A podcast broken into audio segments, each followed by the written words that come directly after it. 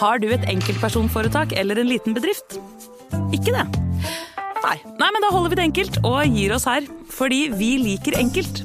Fiken superenkelt regnskap. Nyt sommerferien på Prime. I'm here to show you a wonderful place. Had a rough week. Opplev spennende turer. Så kan dette bli veldig farlig. Finn sommerkjærligheten. You're like a Coachella. Hi. Hi. Se på Fallout, Furia eller The Idea of You.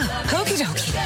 Og gjør deg klar for en sommer full av eventyr. Bare på Prime. Krever abonnement på Prime Video. Velkommen til Kjemperådet! Vi har fått inn et kjempeproblem her. Jeg leser. Jeg er på ferie med familien. Det er gøy, bortsett fra at jeg har gips på begge beina. Kan ikke bade eller dra noe sted. Jeg føler meg veldig begrenset. Hilsen begrenset far. Begrenset far trenger ubegrensethet. Yes. Ja, Kanskje ubegrenset data fra 399 med familierabatt hos Telenor? Ja, det løser jo alt! Bortsett fra det med badingen, da. Se nye mobilabonnement på telenor.no. Yes! Advarsel. I denne podkasten vil du høre historier basert på informasjon programlederne har funnet selv. Programlederne står ikke nødvendigvis inne for meninger og syn som fremstilles. Noen påstander kan avvike fra virkeligheten.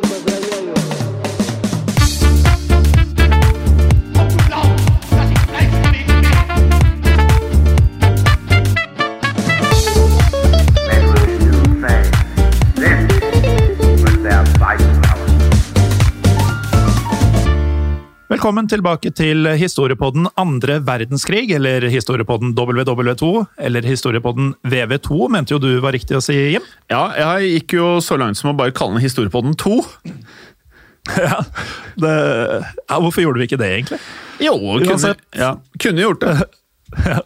Uansett så er det da klart for del to av vår eh, jeg vil nesten si fantastiske historie om Rudolf Hess. Ja, det er eh, Det er eh, nok noe av eh, det sjukeste sånn at det går an. Og i og med at dette her er del to av eh, historien om eh, det vanvittige påfunnet til eh, Rudolf Hess, så i stedet for å ta et sammendrag, hør heller på første delen før du hører på denne. Ja, det er eh, ganske sånn Intuitivt. Ja, rett og slett. Men i hvert fall som en oppfrisker, da. For dere som eh, har forrige episode frist i minne, så kan vi jo si at eh, forholdet mellom Adolf Hitler og Rudolf Hess det var i ferd med å kjølne skikkelig. Ja. Eh, Hitler var jo blitt mer og mer skeptisk til, eh, til Hess, og mente da, og dette er jo så sykt, at Adolf Hitler mener dette om en fyr, at Hess var utilregnelig, og at det var problematisk om denne utilregnelige fyren fikk for mye makt i nazipartiet. Og vi, vi har jo prata om det her litt uh, før vi begynte å spille inn, Morten. At det, det er så sykt at disse gale nazistene fungerte sosialt som i gåstegn vanlige mennesker. At de kunne liksom føle at andre nazister var irriterende. Man tenker bare at de var sånne maskiner som bare ønsket alle alt vondt. Men liksom at Hitler prøvde å gjemme seg for Hess og prøvde å komme seg unna han sånn at han slapp å prate med han, det, det er en ganske absurd greie. Ja, det, det. det, minner meg litt om en Seinfeld-episode, hvor, eh, hvor Jerry snakker med foreldra sine. eh, og de overrasker Jerry stort når de sier at de syns foreldra til George er helt gale. Eh, fordi, som Jerry sier det, I didn't think you were able to detect abnormal behavior among your own kind. Det er litt sånn jeg tenker med tyskerne her. at uh, Hvordan i all verden kunne Hitler Ja. og andre toppnazister merke at Hess var galere enn dem? Du, de det var var jo klin gærne hele tida. Vanvittig eh, bra sammenligning, Takk. faktisk. Men Selv om det er veldig synes- rart å nevne en av de beste komiseriene noen gang med masse gale nazister, så var meningen veldig tydelig der. Ja.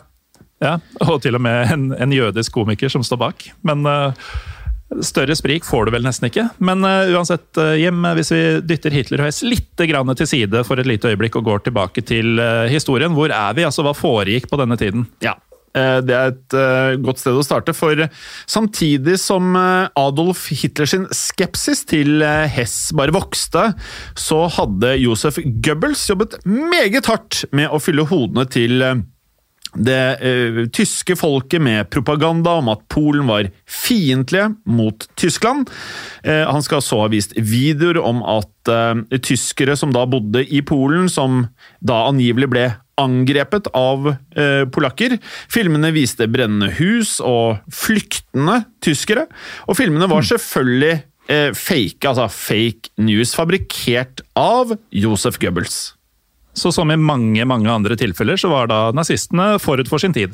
Ja, og denne propagandaen den var basert på en antipolsk følelse som hadde bredt seg i den tyske befolkningen.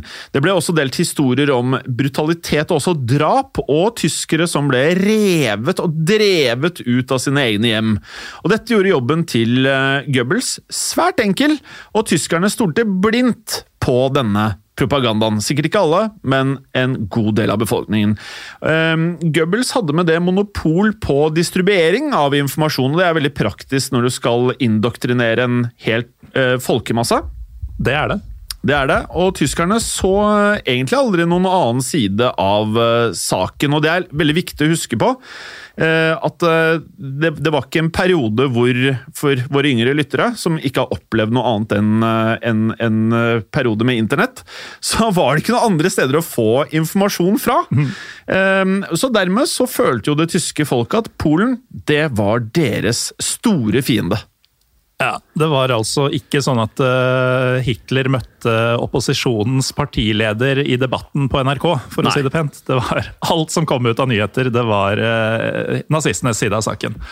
Uh, og Den 31. august 1939 så ble en tysk radiostasjon som lå nær grensa til Polen, angrepet. Senere den kvelden så ble de sjokkerende nyhetene om dette angrepet delt over radio, og tyskerne de ble redde og følte at dette var starten på grufulle tider. Altså, tenk så tidlig i krigshistorien dette er, når tyskerne går rundt og er livredde for Polen. Ja, Uh, ganske absurd.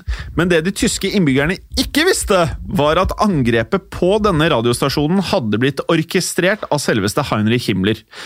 Sånn at det som hadde skjedd, var at han hadde hentet inn fanger fra en konsentrasjonsleir, uh, gitt dem polske våpen og kledd dem i polske uniformer. Uh, og disse ble videre da skutt av SS-soldater, som fikk det til å se ut som polakkene hadde forsøkt å angripe Tyskland, men at de da ble stoppet i siste liten.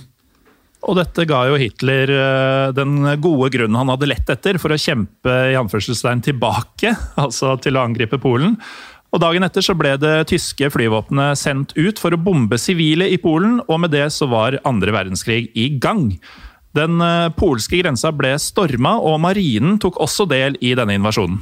Ja, og Etter denne invasjonen av eh, Polen offentliggjorde Hitler at han hadde faktisk valgt Hess som sin etterfølger etter Herman Göring.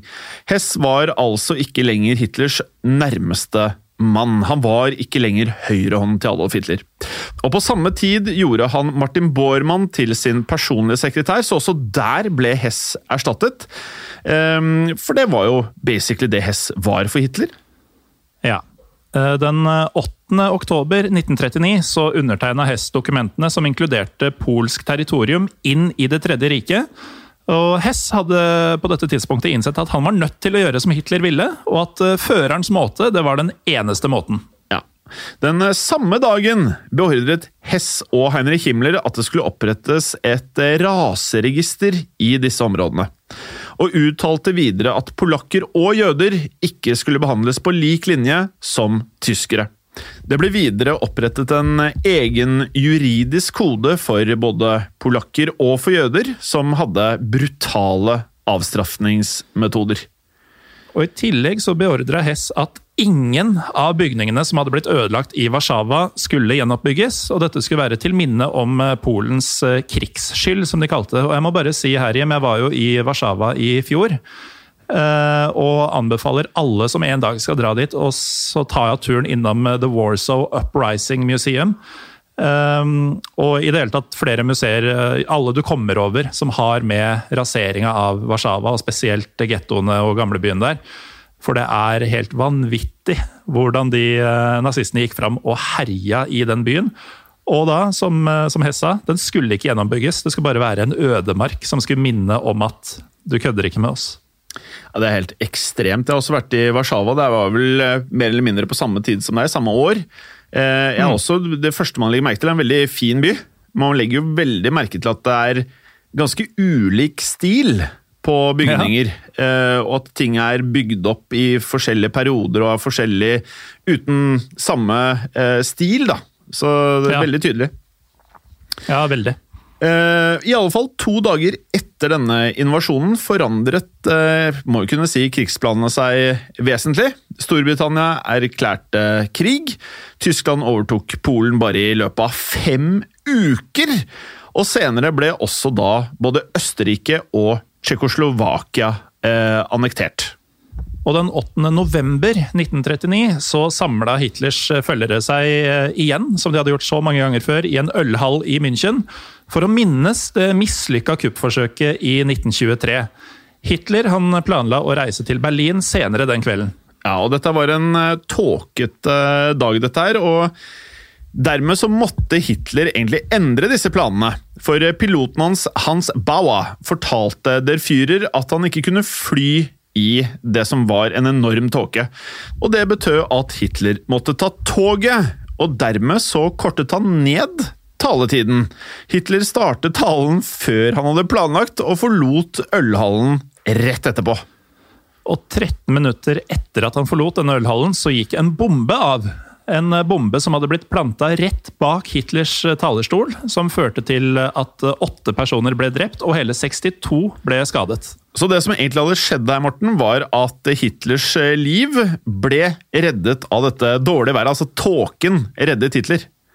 Ja, og Hess han så på dette som en god anledning til å smiske litt med Hitler, og avholdt en seremoni for de døde. Og selvfølgelig for å hedre at føreren slapp unna. Og det har vært Det kommer litt an på hva man leser og hva man tror på, om hvem som da sto bak dette. Hvor mange som var med i attentatsammensvergelsen, men bomben skal ha vært plantet av Georg Elser, som desperat ønsket å stanse krigen. Han skal videre ha blitt fanget raskt og innrømmet det hele. Elser ble videre holdt fanget i fem år, før han ble henrettet i Dachau konsentrasjonsleir.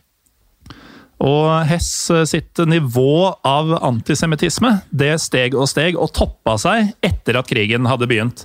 Han var overbevist om at denne krigen hadde blitt forårsaket av jødene, og dette var et tema som gikk igjen i stor grad i talene han holdt. Ja, og spesielt i én tale som ble gitt i forbindelse med Hitlers bursdag. 20.4.1940 uttalte han at jødene og deres reisevenner var ansvarlige for Tysklands kapitulering i 1918. Han avsluttet talen med å si at med Hitlers ledelse var det ingen mulighet for at denne krigen ville ende på samme måte. Men til tross for disse flatterende talene og de varme ordene, så var ikke lenger Hitler opptatt av Rudolf Hess. Han. Hess hadde rett og slett blitt passé, han var uviktig. Så Rudolf Hess han så ingen annen utvei enn å legge én siste plan for å redde Tysklands framtid. Og dette her er viktig for historien, nettopp det, det der at forholdet deres surnet såpass.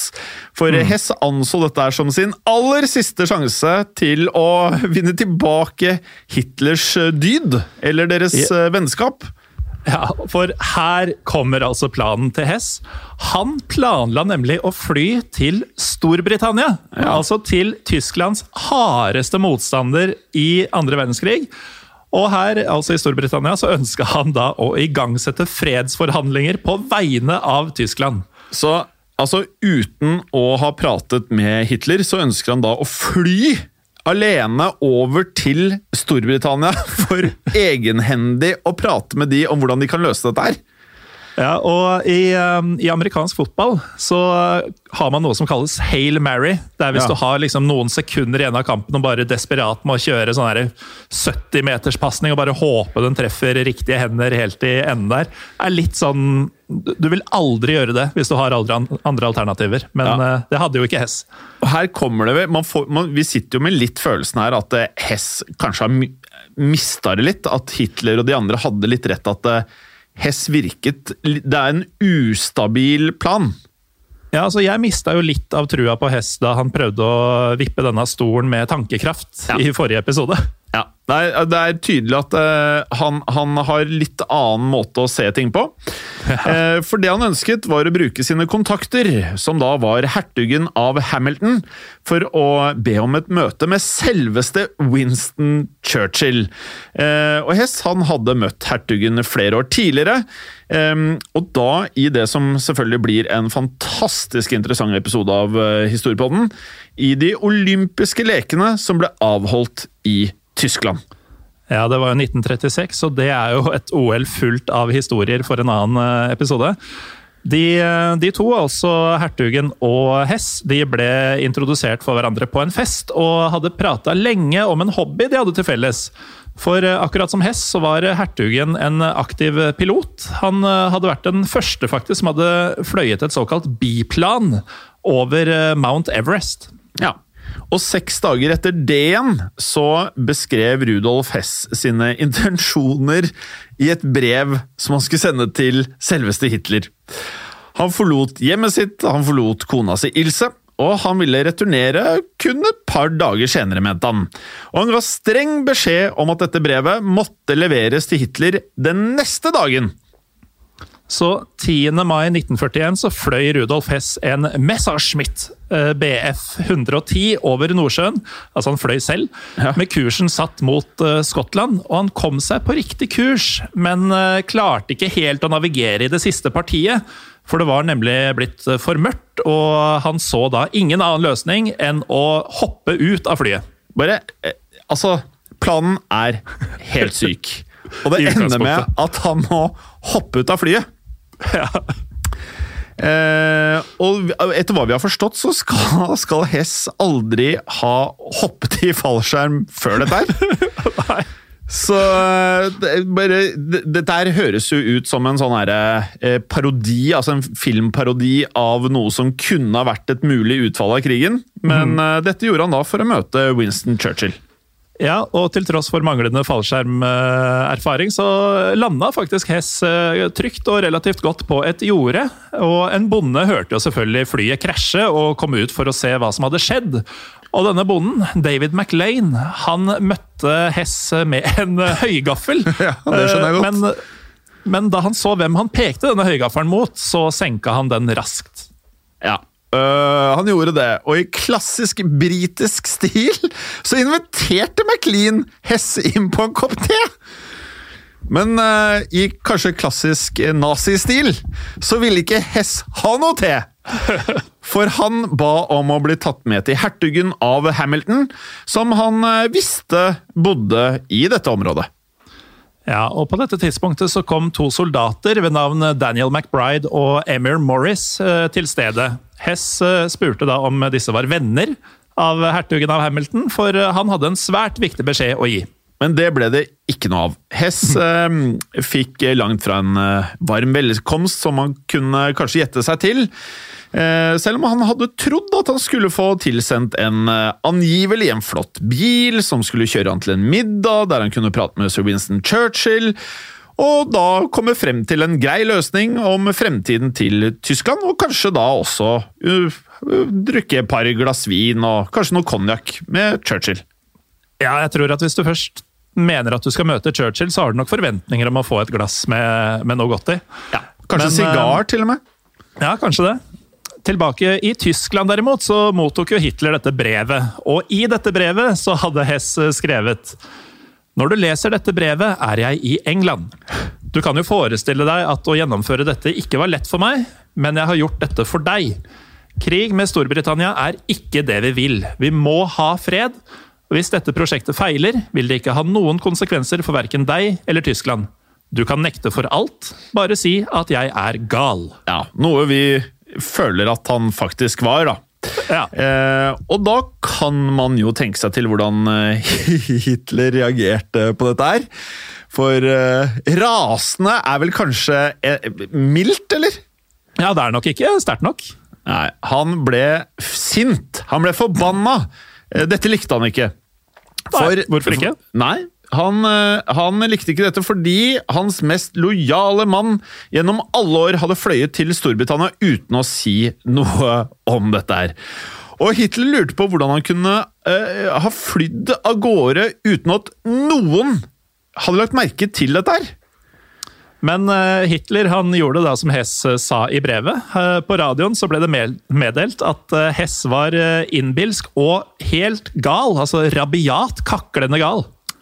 Og dette ledet til at Hess ble en ikke-eksisterende i Det tredje riket. Han skulle aldri nevnes igjen, og dette ga jo selvfølgelig den britiske pressen et enormt påskudd til å erte og fornærme tyskerne, og de syntes det hele virket mer eller mindre hysterisk, og spurte seg hvorfor en gal mann hadde fått lov til å være med i Hitlers følge i så mange år. Ja, og de naturlige instinktene til eh, propagandaminister Goebbels eh, de kicka jo inn. For Josef Goebbels han frykta at britene ville bruke denne historien om Hess som en del av en, eh, en ødeleggende kampanje retta mot den tyske moralen. Men heldigvis for Goebbels og den tyske moralen så avtok denne, denne ståheien rundt flyturen til Hess ganske fort. Ja, den gjorde det. Hess eh, sin kone Ilse ble avhørt og ble truet med utkastelse fra huset sitt i Tyskland. Og Det ble senere konstatert at hun ikke var med på planen, og at Hess hadde klekket ut denne i gåsetegn geniale ideen og planen helt på egen hånd.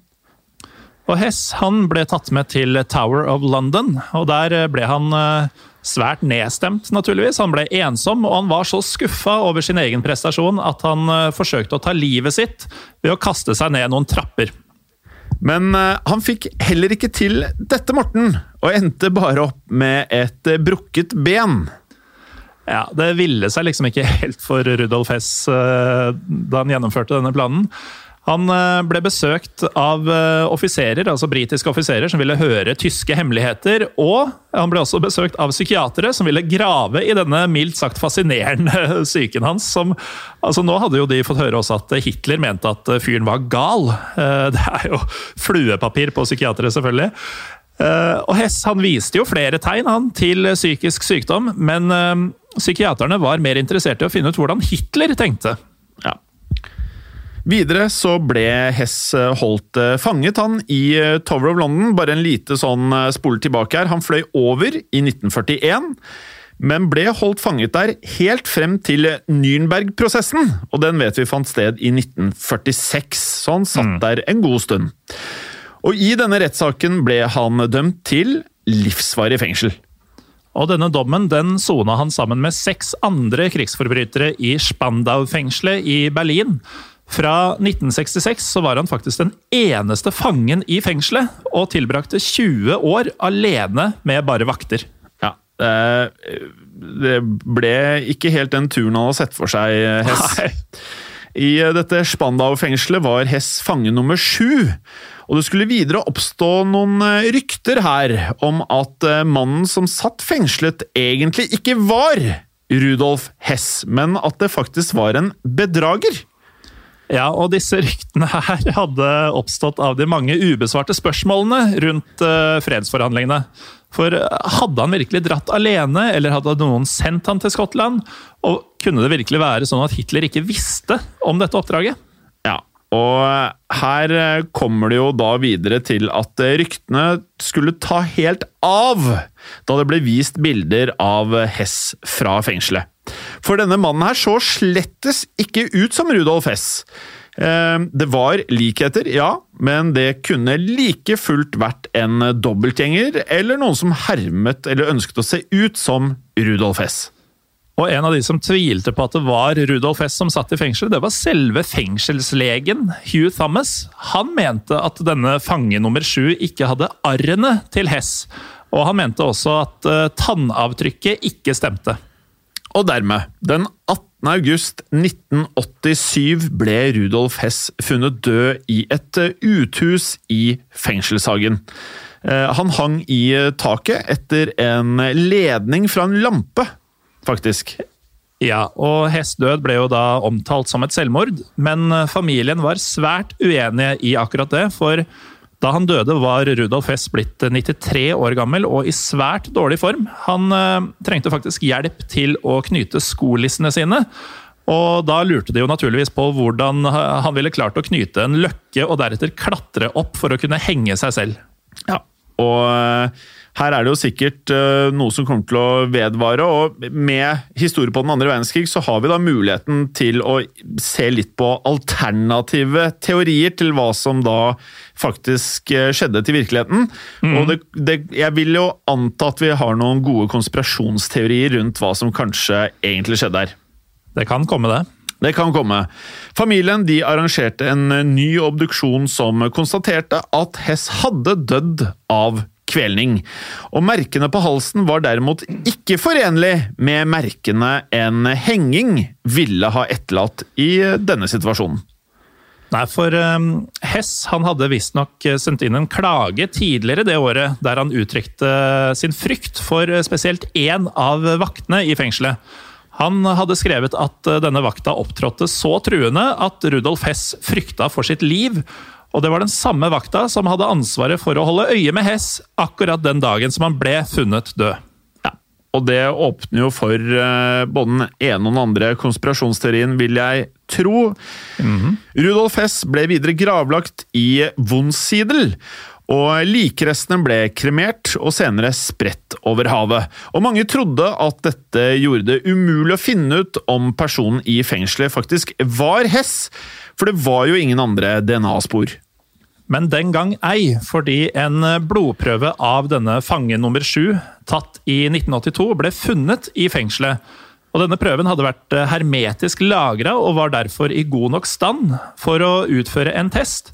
Så et uh, forskningsteam fra Walter Reed Army Medical Center og universitetet i Salzburg de sammenligna DNA-et fra denne blodprøven med en mannlig etterkommer av Rudolf Hess. Og dette resultatet det viste at det var med 99,9 sikkerhet eh, at blodprøven den stammet fra Rudolf Hess.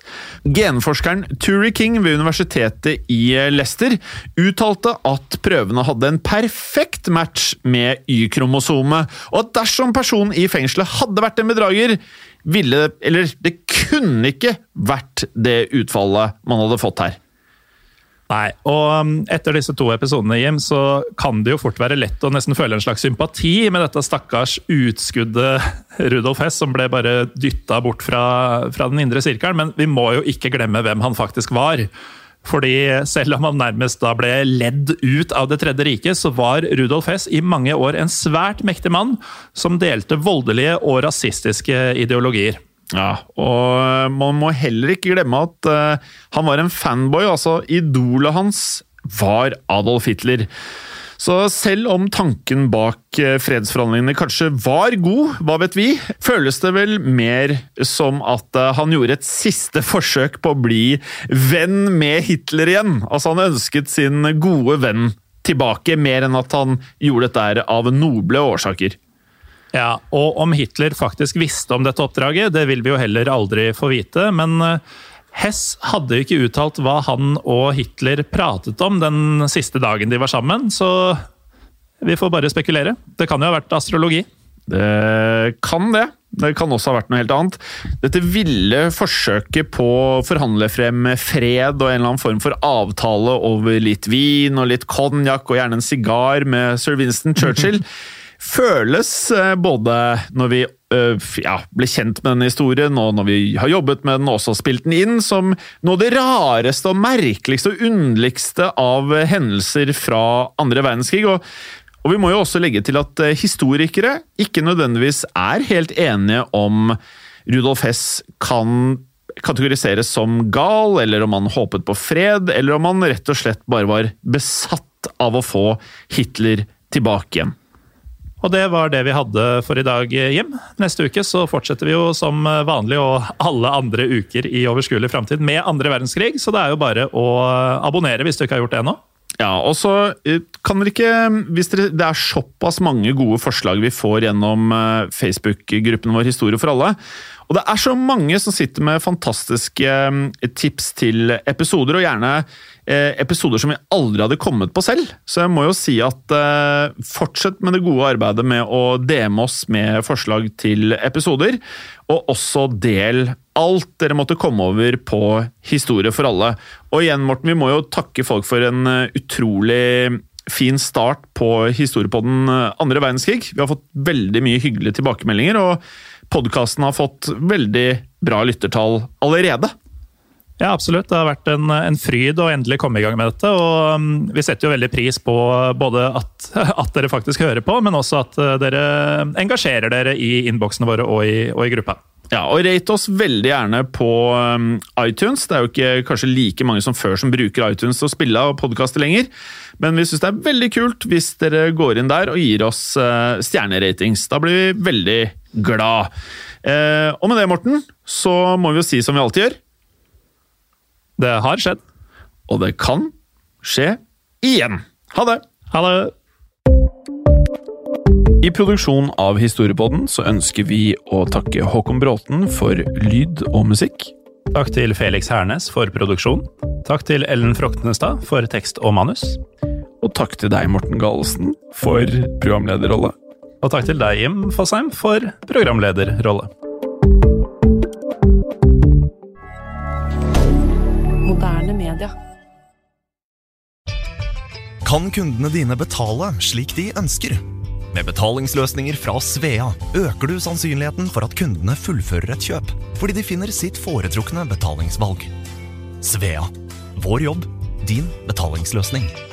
Enklere, raskere.